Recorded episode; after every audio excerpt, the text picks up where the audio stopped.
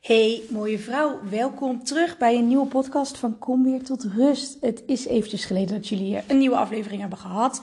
Um, en ten eerste, je hoort misschien een beetje een wat schorre stem. Uh, ik heb dit weekend uh, sinds een hele lange tijd weer in de kroeg gestaan en ik heb iets te enthousiast meegezongen. En dat heeft voor mij altijd gelijk effect op mijn stem. Dus als je denkt, wat klinkt ze anders? Nou, dat is de reden. En ik ben net terug van vakantie. Ik heb um, twee weken heerlijk genoten op Tenerife en op Gran Canaria. Uh, beide eilanden waar ik al uh, jaren niet ben geweest. En het was heerlijk. Het was lekker warm. Zonnetje scheen, 30 graden. Heerlijk relaxed. En als ik nu om me heen kijk, nou, waar zit ik? Ik zit lekker in mijn huis. Op de bank met een dekentje, kopje thee. Ik heb nog net de open haard niet aan, maar het is nu kwart over negen ochtends en het is gewoon hartstikke donker buiten. Um, ik zal je eerlijk zeggen, ik moet er even aan wennen. Nou ben ik niet iemand die snel een winterdip heeft, dat hoor je natuurlijk vaak. Um, als jij wel die persoon bent, check even je vitamine D, die uh, mis je waarschijnlijk. Maar ik moet zeggen, het is even een, een, een omslag nadat ik uh, twee weken in 30 graden heb gezeten. Maar ik had wel weer zin om even um, bij jullie op de radar te komen. En dat heeft uh, meerdere redenen. Onder andere omdat ik een hele vette Black Friday deal voor je heb klaarstaan. Um, maar vooral omdat er deze vakantie bij mij weer een aantal dingen gebeurden. Uh, die andere herinneringen omhoog haalden. Maar ook waarvan ik dacht, poeh, hoeveel ik ook hiermee bezig ben. Um, uh, en met dit bedoel ik natuurlijk mijn cyclus. Ook bij mij gaat niet alles uh, altijd even goed. Dus ik dacht, ik ga het gewoon uh, in een paar verschillende podcasts voor jullie opnemen. Um, en de eerste was vooral een herinnering die ik kreeg op vakantie. En ik dacht, wauw, dat is toch wel even een, uh, iets wat in de afgelopen jaren echt veranderd is sinds ik met mijn cyclus ben gaan werken. En ik kwam daarop omdat een van jullie, of iemand moet ik zeggen, via Instagram mij vroeg van, goh Kirsten, hoe doe jij dat toch? Dat je soms gewoon nee zegt tegen andere mensen. En dat je je daar niet schuldig over voelt of dat je echt die keuze maakt. Nou ja, daar wil ik dan eerst op zeggen. Het is zeker niet altijd zonder schuldgevoel. Maar mijn schuldgevoel wordt wel steeds minder. En dat is gewoon wat ik de afgelopen jaren, sinds ik met mijn cyclus ben gaan samenwerken, gewoon veel duidelijker voor mezelf heb van hé, hey, wat vind ik nou belangrijk? Vind ik het belangrijk hoe iemand over mij denkt? Of vind ik het vooral belangrijk dat. Um, Oké, ik hoop dat het geluid nog hetzelfde is. Opeens houdt mijn uh, headset ermee op. ik hoop dat jullie hier geen last van hebben. Gaan we straks zien. Um, vind ik het belangrijk wat andere mensen vinden en hun mening? Of vind ik het belangrijk dat ik luister naar mijn eigen lichaam? Dat ik luister naar waar ik behoefte aan heb en niet per se waar andere mensen behoefte aan hebben. Um, en ik wil je eventjes meenemen in een voorbeeld. Dus een voorbeeld hiervan is uh, in dit geval mijn lieftallige schoonfamilie. En ik wil daar gelijk bij zeggen, dit is niet om iemand zwart te maken. Um, ik vind iedereen in dit verhaal fantastisch, lief. Alleen, ja, soms dan uh, gebeuren er wat dingetjes.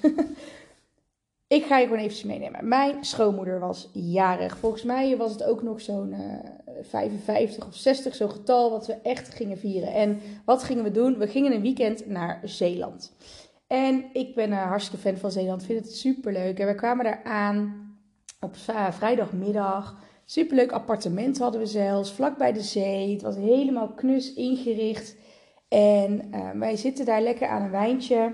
En ik merkte al een beetje aan mezelf dat ik dacht, poeh, wat ben ik, hoe kom ik zo moe? Of, ja, ik ben toch wel heel erg moe. En ik was al, toen dacht ik opeens bij mezelf, oh ja, ik zit op, uh, volgens mij zat ik op dag 27 of dag 28. Nou ja, meestal echt het einde van mijn cyclus, net voor mijn menstruatie. Ik weet, ik ben al wat vermoeider. Dus ik had bedacht, lekker, weekendje Zeeland, even rustig uitwaaien. Um, meestal als wij met de schoolfamilie weggaan, kan iedereen wel een beetje zijn eigen dingetje doen. Dus daar had ik wel zin in. Um, maar toen wij smiddags aan de keukentafel een uh, heerlijk glas uh, witte wijn zaten te drinken, toen zei mijn schoonmoeder opeens: um, Ik zal jullie eventjes informeren over wat, uh, wat ik dit weekend wil gaan doen. Ze had, ze had een plan gemaakt, en zeker voor de zaterdag. Nou, daar ben ik op zich voorstander van. Um, haar plan was dat we op zaterdagochtend een fiets gingen huren, in ieder geval voor mij. De rest had een eigen fiets bij zich.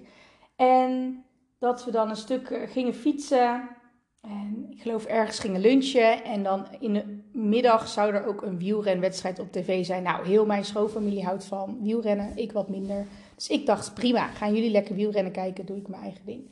Alleen dat fietsen, waar ze het over had in de ochtend, daar kijk ik een beetje tegen op. Want wat is het nou? Ik ken mijn schoonfamilie inmiddels al 12 jaar. En als zij zeggen, we gaan een stukje lopen of een stukje fietsen, ja, dan is dat in mijn hoofd 5 à 10 kilometer. Bij hun is het altijd het dubbele of het driedubbele. Dus dat zijn altijd hele andere afstanden dan dat ik het nog leuk vind. Dat ten eerste. En ten tweede, uh, mijn schoonfamilie is hartstikke sportief en best wel competitief. Dus het moet ook altijd op een hoog tempo. Het is nooit gewoon even relaxed een rondje lopen. Nee, we moeten doorstappen en gaan. En nou ja, Misschien snap je wel wat ik bedoel. Uh, niks mis mee natuurlijk, maar op dag 28 van mijn cyclus, ja, sorry, daar heb ik daar gewoon niet zo'n zin in. Dan vind ik het al heel intens om met vier mensen in één ruimte te zijn. Um, een deel van mijn schoonfamilie uh, is doof of nou ja, slechthorend, dus het gaat altijd op volume 388. Um, ehm, dus ik vind zo'n weekend altijd al heel intens, zeker aan het eind van mijn cyclus. En nu kwam dit er ook bij. En ik dacht bij mezelf, oh mijn god, dit wil ik niet. Ik wil dit niet. Ik wil gewoon lekker thuis blijven. Maar ook bij mij komt hier gewoon het schuldgevoel. En ja, het is haar feestje. En mijn man, toen nog mijn vriend, die zei ook van ja, stel je niet zo aan. Het is maar een stukje fietsen. Um, bla bla bla. Nou, dus ik op zaterdagochtend gingen wij naar die fietswinkel. Want ja, ik moest nog een fiets huren. Ik had al een beetje tegenzin, maar ja, ik dacht en ook bij mezelf, ja, keer niet zo zeiken. Misschien is het maar een klein rondje, let's go. En we stonden bij die fietsenwinkel. Dus die fietsenwinkel, ik kom binnen. Wij beginnen een fiets te huren, zoals dat gaat. Ik weet niet precies hoe mensen dat doen, maar in ieder geval, wat wil je in dat? Dus die man van die fietsenwinkel, die zegt: hey, is het misschien een idee om een elektrische fiets te nemen? Hè? We hebben er nog eentje voor vandaag en we zitten hier in Zeeland. Het was echt bar slecht weer. Het was windkracht 88. Dus hij zegt: waarom neem je geen elektrische fiets? Nou, ik kan je vertellen, mijn hele dag werd gelijk een stuk beter. Ik dacht, dit moet ik hebben. Dit is fantastisch. Hier is door is het veel minder vermoeiend voor mij. Vind ik het ook leuker. Uh, ben ik niet altijd het kneusje bij dit gezin altijd achteraan fietst. Um, dit wil ik. Dat dacht ik. En oh, wat er toen gebeurde. Want echt, ik had er helemaal zin in. Serieus, mijn hart maakte een sprongetje. Ik dacht, dit is top. Alleen, wat gebeurt er nou? Voordat ik dit zei, was mijn schoonmoeder me voor. En mijn schoonmoeder die zei, nou, wat een onzin. Ze is 32, ze heeft echt geen elektrische fiets nodig. We willen gewoon een normale fiets. Nou, mensen die mij kennen, die mij goed kennen, die denken misschien, nou keer, op dit moment eh, ben jij normaal degene die zegt, doe niet zo gek. Eh, ik zou normaal gesproken de eerste zijn die hier wat van zegt. Maar ik was zo overrompeld en ik was opeens weer van die onwijze euforie naar teleurstelling, uh, dat ik dus niks zei. Ik heb het gewoon laten gebeuren. En alleen maar omdat ik bang was dat mijn schoonfamilie zou denken: Jezus, wat ben jij lui? Je wil op een elektrische fiets. En um, ik kan je één ding zeggen: ik heb daar heel erg van spijt van gehad dat ik dat niet heb gezegd. Want vervolgens zat ik op een gewone fiets, waar natuurlijk normaal niks mis mee is.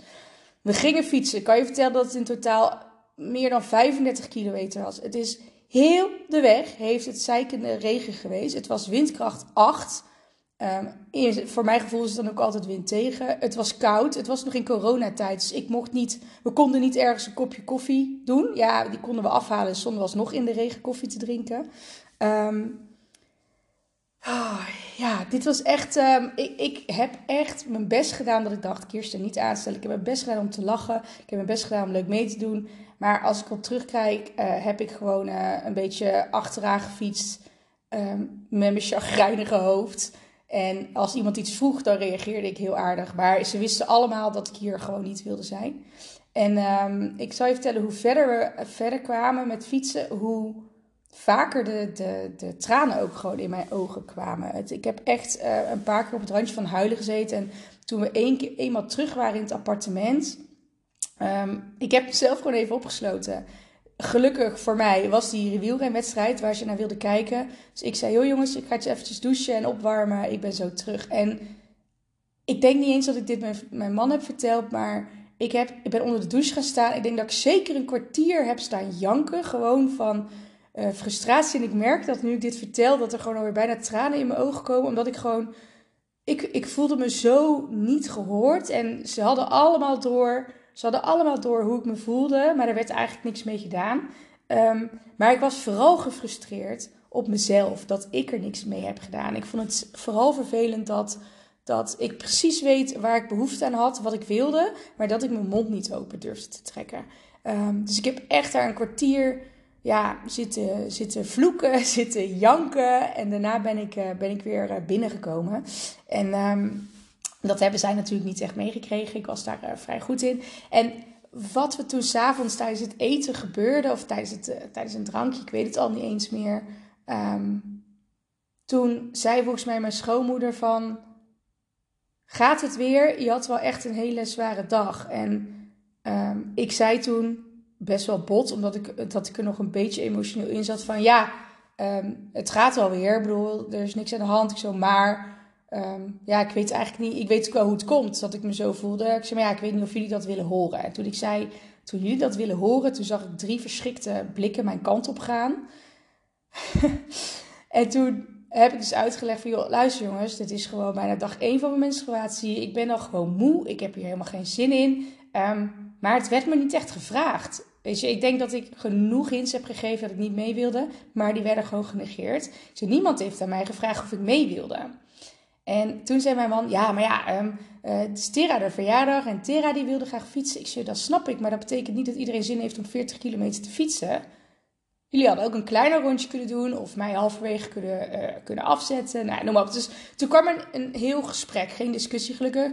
En ze luisterden best wel goed. En ik moet zeggen, sindsdien um, zijn de weekenden weg heel anders. Mijn schoonmoeder is veel meer uh, bewust van, hey, ieder wil misschien zijn eigen ding doen en we hoeven niet alles met z'n allen te doen. Dus um, hoe moeilijk ik dat gesprek ook vond, want ik schiet dan ook altijd vrij emotioneel erin en dan voel ik mezelf altijd weer heel zwak als ik emotioneel ben, maar dat is helemaal niet zo. Dat is onderdeel van het vrouw zijn.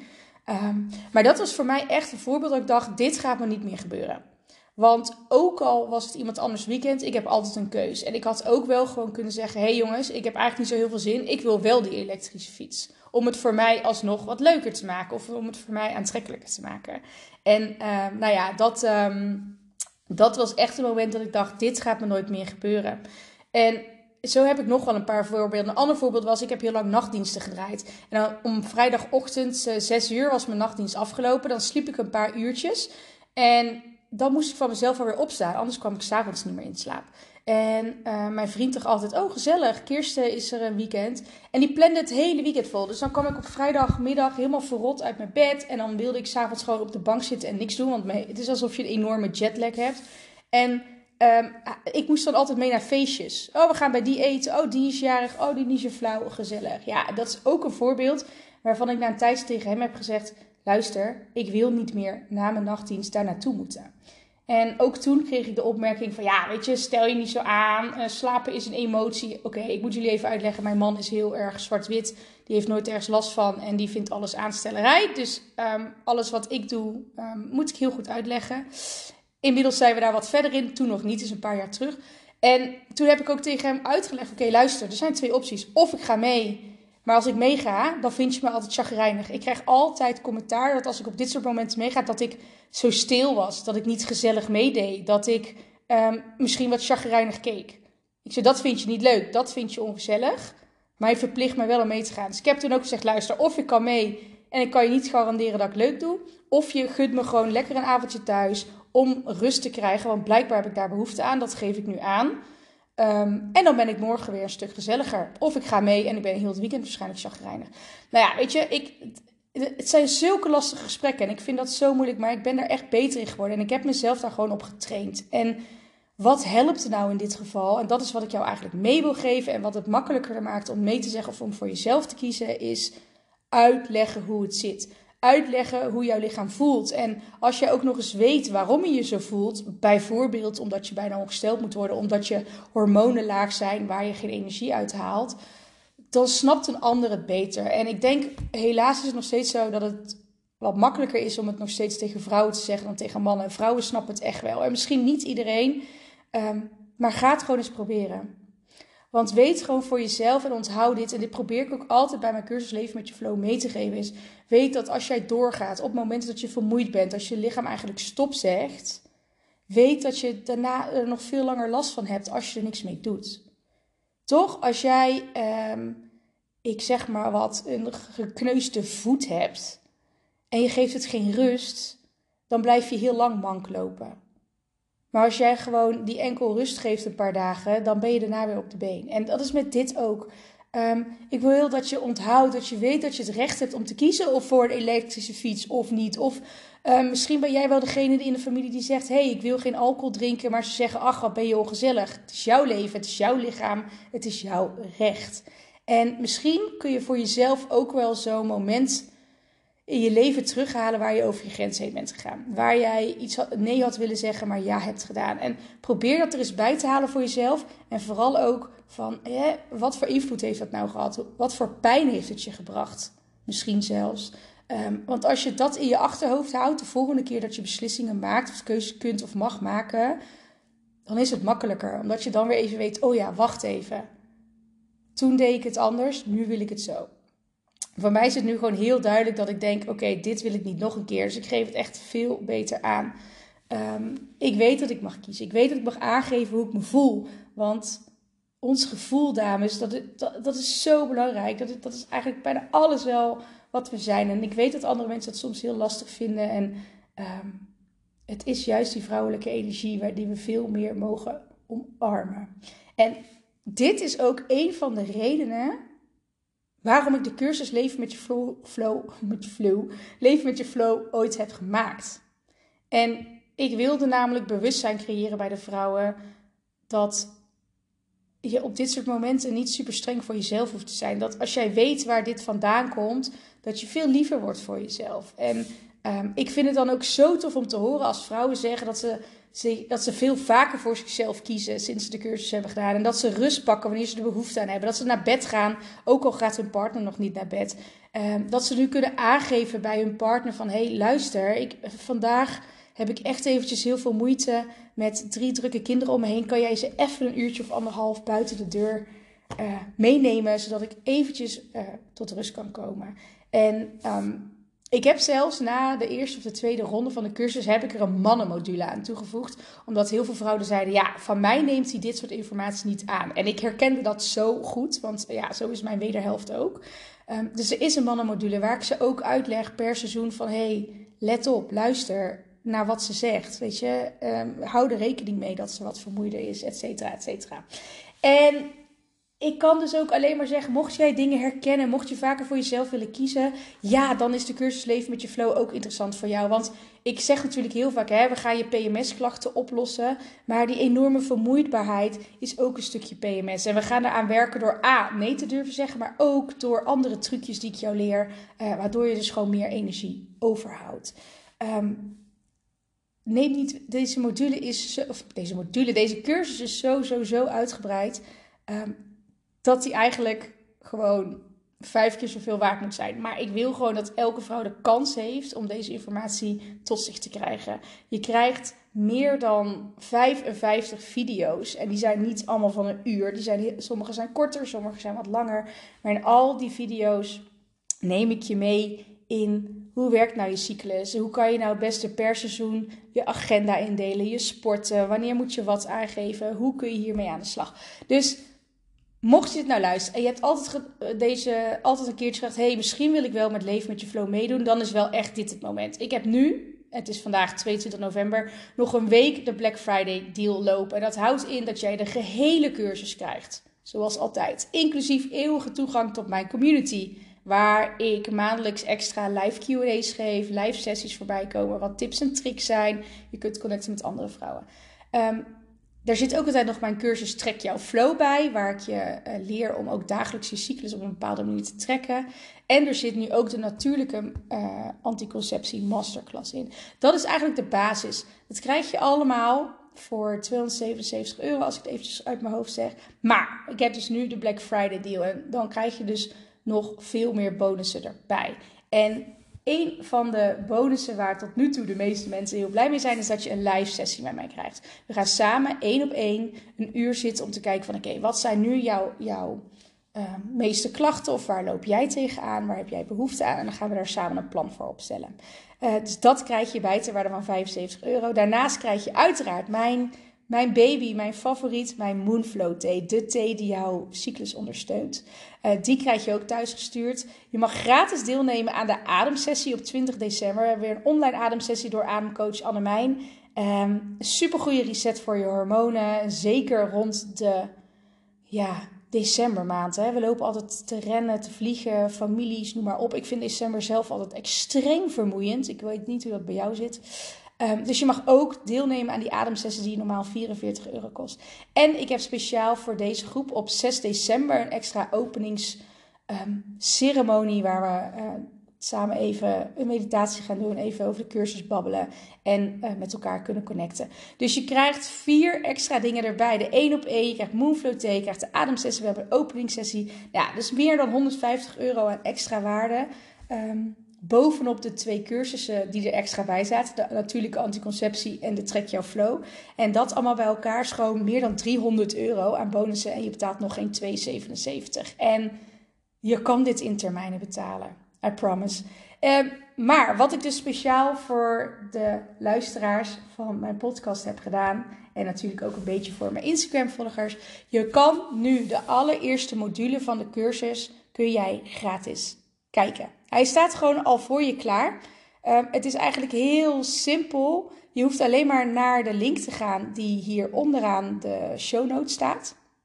Um, dan kun je een account aanmaken bij mijn academy, bij mijn community. Uh, je hebt alleen maar je e-mailadres voor nodig en een wachtwoord. En dan kan je gewoon de eerste module helemaal gratis kijken. En ik hoop gewoon je op die manier een kijkje te kunnen geven in hoe ik jou leer wat we gaan leren. Maar dit, deze module gaat vooral over de basis van je hormonen. Hoe werken je hormonen? Hoe zit het nou met die cyclus? Noem maar op. En um, ik wil jou gewoon een kijkje geven hoe het is in de community en hoe het is um, ja, bij de cursus Leven met je Flow. Dus er zijn twee opties. Als jij denkt, ik wil meedoen met Leven met je Flow en ik wil die Black Friday deal meteen pakken, um, zorg dan dat je naar de eerste link gaat. Denk je, hey, ik wil eerst even die module bekijken, eventjes neuzen hoe het er allemaal aan toe gaat. Pak dan de tweede link hieronder omschreven. Um, het enige wat ik je mee wil geven, je kan je aanmelden voor de Black Friday deal tot en met uh, eh, 28 november. Dus tot en met de Cyber Monday, zoals ze in Amerika noemen. En ik heb wel de live sessies neergezet op max 10 stuks. Meer tijd heb ik gewoon eventjes niet. Uh, er zijn er volgens mij al drie of vier weg. Dus zorg er wel voor dat je niet te lang wacht als je de live sessie erbij wil hebben. Want dan uh, live sessie één op één met mij, want daar zijn er maar een aantal van. Oké, dit was mijn eerste verhaal. Een vrij persoonlijke. Uh, nogmaals, mijn schoonfamilie is fantastisch, hartstikke lief. Alleen soms denken wij anders. en um, ik ben eigenlijk heel erg benieuwd of jij ook van dit soort voorbeelden hebt. Of jij dit herkent. En als je dit dus herkent, laat het me eventjes weten in de DM op Instagram. Instagram is kom weer tot rust. Laat het me eventjes weten, want uh, ik ben gewoon heel erg benieuwd um, hoe andere vrouwen dit ervaren. En ik zou het ook heel vet vinden als jij nog bepaalde onderwerpen hebt die je graag zou willen horen in de podcast, als het je me even laat weten. Uh, maar weet ook dat je ook altijd al je vragen daar kunt stellen. Ik uh, help je altijd graag daar ook. Dus ik wil je weer bedanken voor het luisteren en ik kom heel snel weer bij jullie terug. Tot dan! Hey dames, welkom terug bij de Kom tot Rust podcast. Ik wil het vandaag even met jullie hebben over de koperspiraal en dan eventueel daar een kopervergiftiging aan overhouden. Ik ben, het is een paar keer mijn DM binnengekomen, vragen van mensen. En ik zit midden in mijn opleiding ortolaire. Zo. Ik zit midden in mijn opleiding ortomoleculair therapeut. Sorry hoor. Uh, en daar uh, ben ik natuurlijk ook over dit soort dingen aan het leren. Over uh, de giftige stoffen in ons lichaam. En ik dacht, het is misschien wel heel handig om hier een keer een podcast van te maken. En ik ga gewoon starten vanuit de spiraal. Want er zijn honderdduizenden miljoenen vrouwen die rondlopen met een spiraal. Dan wel hormonaal, dan wel koper. En op een of andere manier krijgt de koperspiraal, die wordt altijd heel erg geprezen als... Hè, dat is veel beter voor je, want er zitten geen hormonen in. waar ik het ook echt wel deels mee eens ben. Maar ik dacht, laten we eens eventjes kijken wat er nog meer achter zit. Nou, als we het hebben over de koperspiraal, hoe werkt die eigenlijk? Een koperspiraal is natuurlijk een, een, een, ja, een ankertje, zeg maar, wat er in je baarmoeder wordt gedaan. In dit geval van koper. En wat er gebeurt op elke dag, dan ja, laat dat een beetje koper los in je lichaam. En dat koper kun je eigenlijk zien als een soort zaaddodend middel. Het zorgt ervoor dat eigenlijk jouw spermacellen verlamd worden en dat jouw baarmoederslijmvlies niet goed wordt opgebouwd. Dus dat zorgt in eerste instantie voor dat het al moeilijk wordt om een eicel te bevruchten. Maar mocht dat toch gelukt zijn, dan kan die eicel eigenlijk niet overleven in de baarmoeder. Zo werkt de koperspiraal. En belangrijk om altijd te onthouden, bij een spiraal heb je dus wel een ovulatie, wat we heel graag willen, in tegenstelling tot uh, het gebruik van de pil. Nou ja, wat is dan het verschil met een hormonale spiraal? Bij een hormonale spiraal wordt er, uh, nou, er zit geen koper in, maar er zit een hormoon in, uh, progestageen.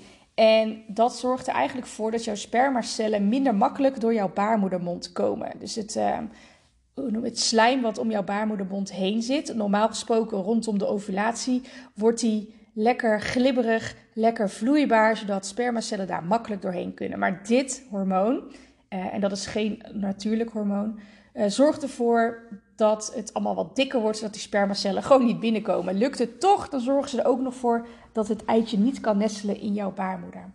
En zoals ik al zei, op een of andere manier wordt de koperspiraal altijd geprezen als de meest fantastische anticonceptiemiddel. Um, maar ik dacht, laten we dus even induiken, want is het echt zoveel beter? En één ding, ik wil je met deze podcast geen angst aan praten. Ik wil niet zeggen dat uh, je niet aan de hormonale anticonceptie mag, want je moet echt doen wat voor jou fijn voelt. Maar dit is weer een stukje wat vaak niet door je huisarts verteld wordt of door je arts op het moment dat jij besluit om eventueel uh, te starten met de koperspiraal. Nou, als we kijken naar de bekende voordelen, hè, waarom nemen mensen nou vaak een koperspiraal? Nou, er zitten geen hormonen in, dus dat is top. Het zorgt er op die manier uh, zorgt het in ieder geval niet voor een disbalans in de hormonen. In ieder geval niet doordat er andere hormonen binnenkomen. Nou, vaak hoef je vijf tot tien jaar nergens over na te denken. Het zit vaak goed bij veel vrouwen. En het is gewoon een hele betrouwbare anticonceptiemethode. Ik geloof dat twee op de duizend vrouwen uiteindelijk um, zwanger raken. Dus dat is uh, voor anticonceptie een hele goede status. Maar er zijn natuurlijk ook nadelen. En ik ga het vooral eventjes hebben nu over de koperspiraal. Want wat zijn nou hele bekende nadelen? Nou, veel vrouwen die zeggen... Oh, mijn menstruaties zijn veel langer. En ze zijn vaak veel pijnlijker. Vrouwen ervaren echt meer buikkrampen. Nou, dat kan je misschien wel enigszins voorstellen als er heel tijd ja, echt gewoon een koper in je lichaam zit. Um, die zorgt voor wat ontstekingen, komen we straks op. En dat zorgt ervoor dat die krampen nog pijnlijker worden. Daarnaast geven veel vrouwen ook aan dat ze meer bloeden en dat er tussendoor vaker bloed uh, komt. Dus eigenlijk tussenbloedingen hebben, waardoor heel veel vrouwen ook vaak niet meer weten van hé, hey, waar zit ik nou in mijn cyclus? Uh, is dit nou een menstruatie of is het een tussentijdse bloed? Is er iets aan de hand of niet? Dat zijn eigenlijk de bekende nadelen van de koperspiraal. Maar waar hier wat minder over wordt verteld, zijn bijvoorbeeld het, uh, de kans op infecties. Er zijn best wel veel vrouwen die infecties overhouden uh, aan het plaatsen, dan wel verwijderen van de spiraal.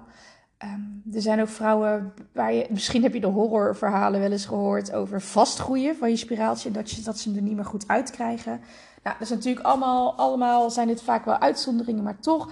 En een van de dingen waar we het dus vandaag over willen hebben, is dat er ook kans is op een kopervergiftiging. Of een hogere kans is op kopervergiftiging. En um, ik wil het hier gewoon eventjes over hebben, omdat ik vind dat hier te weinig over bekend is.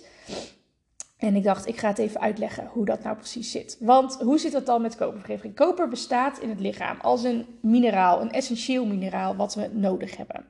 Uh, het wordt ook wel ons emotionele mineraal genoemd, omdat het hele grote invloed heeft op ons centrale zenuwstelsel. En in kleine hoeveelheden is het onschadelijk. Sterker nog, we hebben elke dag die kleine hoeveelheden nodig. Onder andere voor je gewrichten en je, gebot, voor je botten en nog veel meer dingen. Kopervergiftiging vindt eigenlijk plaats op het moment dat deze hoeveelheden te hoog worden. En zodra ze te hoog worden, dan wordt het giftig voor het lichaam.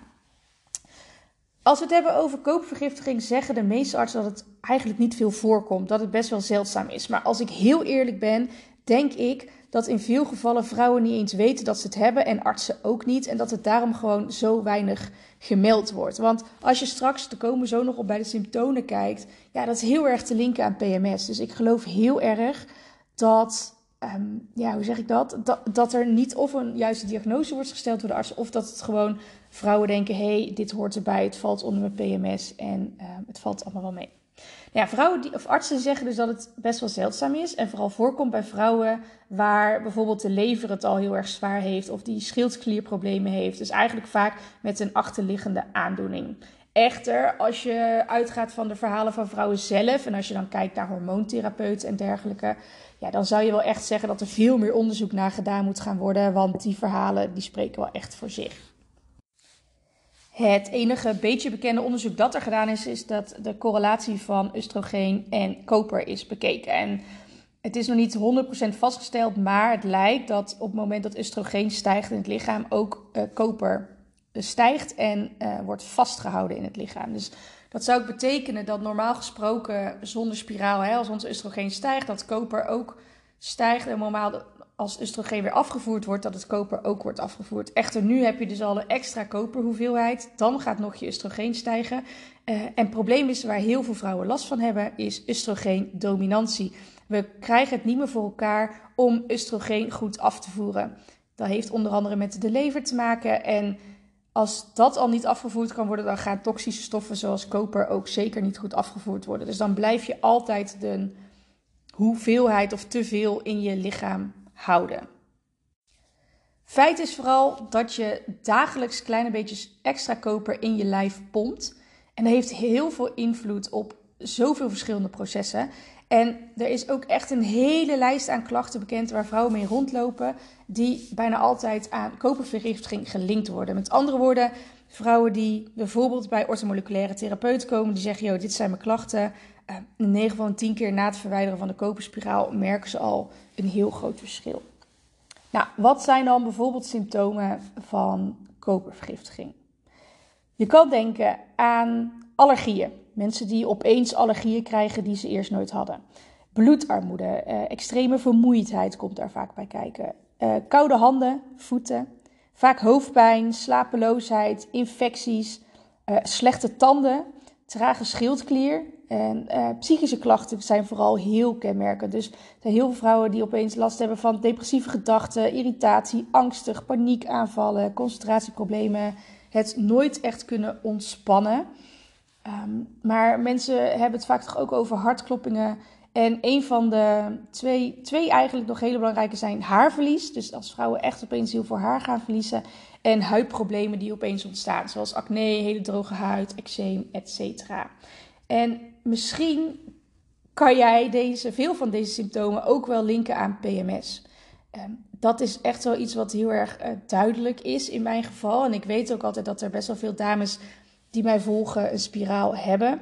Um, en laten we heel eerlijk zijn, PMS komt heel vaak door die oestrogeendominantie. En als koper en oestrogeen dus aan elkaar gelinkt zijn, kan dat alleen maar erger worden.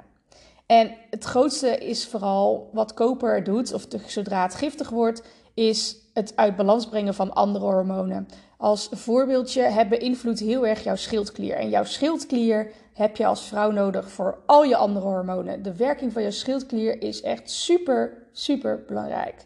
En eigenlijk door deze schildklier uit balans te brengen, kan die niet goed zijn werk doen. En dat betekent dat heel veel andere hormonen zijn of haar werk niet goed kunnen doen. Wat gewoon weer zorgt voor heel erg veel klachten. En of je het nou PMS-klachten noemt um, uh, of kopervergiftiging. Stel dat jouw oestrogeen wel goed laag is, maar je hebt toch nog hele hoge delen koper, dan zul je dat nog steeds merken. En ik had onlangs iemand in mijn, in mijn DM en die zei: uh, Sinds ik jouw masterclass heb gekeken, en dat was de masterclass over hormonale anticonceptie, of anticonceptie, um, zei ze: Ik heb mijn spiraal laten verwijderen en binnen een week leek het alsof de donkere wolk die al maanden boven mijn hoofd hing, spontaan was verdwenen. En ik herkende dat best wel. Ik heb zelf ook een tijd aan de spiraal gezeten en het was echt een soort opluchting en echt een soort oh, moment toen, toen die eruit was. Niet dat je dat nou in een half uur merkt, maar het was wel echt, echt een hele erge opluchting. En ik heb uh, me nogal verdiept in dit onderwerp net. En een van de dingen inderdaad die heel vaak terugkomt van mensen met kopervergiftiging... is dat ze zeiden, ik had zulke depressieve gedachten. Ik, ik had zulke donkere gedachten. Heel veel vrouwen hebben zelfs op het punt gestaan om zelfmoord te plegen. En ja, ik vind dat gewoon heel intens. En dat allemaal omdat, nou ja, dat klinkt nu heel onaardig. In sommige gevallen de man zegt, ik heb geen zin om een condoom te gebruiken. Ehm, dus ik wil dit gewoon eventjes meegeven. Ik herkende dat, dat opklaren heel erg. En van de week zei iemand ook tegen mij, en dat is eigenlijk de aanleiding van deze podcast. Ze zei, heb je wel eens gehoord van kopervergiftiging? Ik zei, nou, mijn verhaal gedeeld. En toen zei ze na ons gesprek, oké, ik ga dat ding er gelijk uit laten halen. Ik ben benieuwd wat mijn huisarts hiervan vindt. En of hij mijn bloed wil laten testen, aangezien er niet zoveel over bekend is. En toen dacht ik gelijk drie dingen. Er waren drie dingen die in me opkwamen. En ik ga het even met je delen. Want ten eerste, yes, als jij dus achterkomt, hey, dit zou oorzaak kunnen zijn van mijn problemen. En je krijgt een soort van oplossing. Ga achteraan. Ga kijken of het je helpt. Wacht niet. Ga gewoon in die actiemodus. Want je hebt een probleem en je hebt nu wellicht een oplossing. misschien duurt het wat langer voordat je de juiste oplossing hebt. Maar dit zou echt, zeker in haar geval, een heel groot verschil kunnen maken. Ten tweede, en dit geldt voor elke vrouw in elk geval. Jouw huisarts bepaalt niet of jij je spiraal eruit mag laten halen of niet. Hè? Ze, ze, mogen een mening hebben, die zouden ze eigenlijk niet eens zoveel moeten ventileren. Jij bent de baas over jouw lichaam. En welke reden jij dan ook hebt om je spiraal te verwijderen, jij beslist wat er gebeurt, niet hij of zij.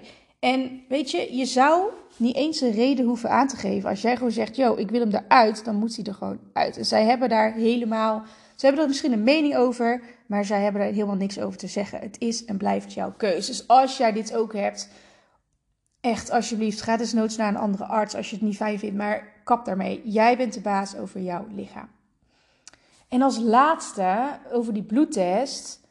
Hè, wat als hij het niet wil doen? Ja, dan zou hij wel moeten willen. Je hebt een klacht en het zou zomaar iets kunnen zijn. En ook al vindt hij misschien van niet, je hebt gewoon recht op een bloedtest. Als jij een bloedtest wil doen, dan moet er een bloedtest komen. En als zij je niet willen helpen, er zijn heel veel andere opties. Je kan ook hormoontesten doen. Bijvoorbeeld een EMB-test. Je hebt de Dutch-test en zo heb je er nog veel meer. Maar volgens mij kan je altijd op eigen, op eigen keus, misschien niet via de huisarts, maar altijd op eigen keus, zelf een bloedtest laten doen. Alleen je moet daarna nog even weten hoe je daarin kunt kijken natuurlijk. Um, maar zoek een orthomoleculair therapeut. Zoek iemand die hier um, expertise in heeft en die jou hierin kan begeleiden. Want een bloedtest is echt een van de beste. Ik heb hem voor volgend jaar ook weer op het lijst staan. Een van de beste dingen voor jezelf om te doen. Dat het gewoon heel duidelijk aangeeft waar jouw lichaam behoefte aan heeft.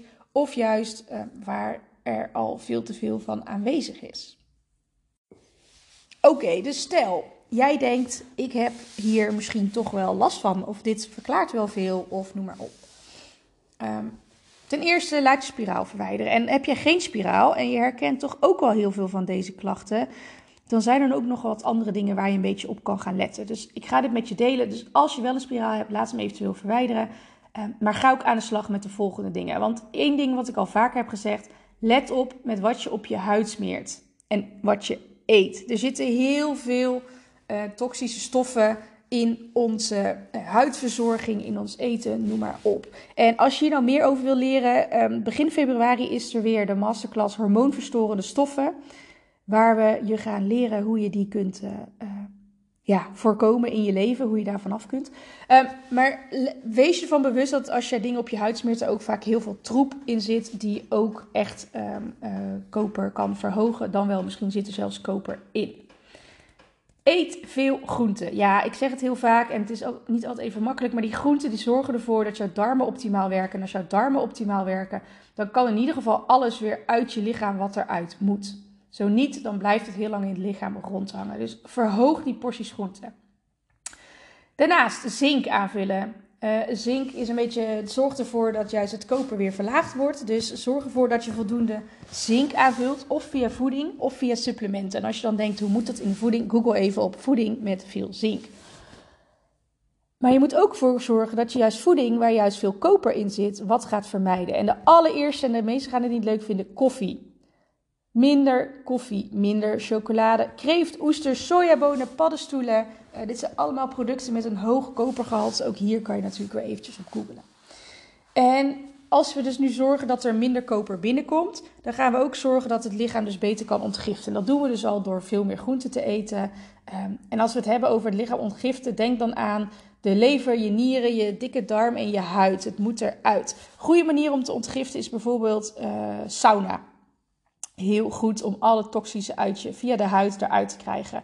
Ehm, maar denk ook aan het ondersteunen van je lever. Denk bijvoorbeeld aan bleekselderijsap op een lege maag.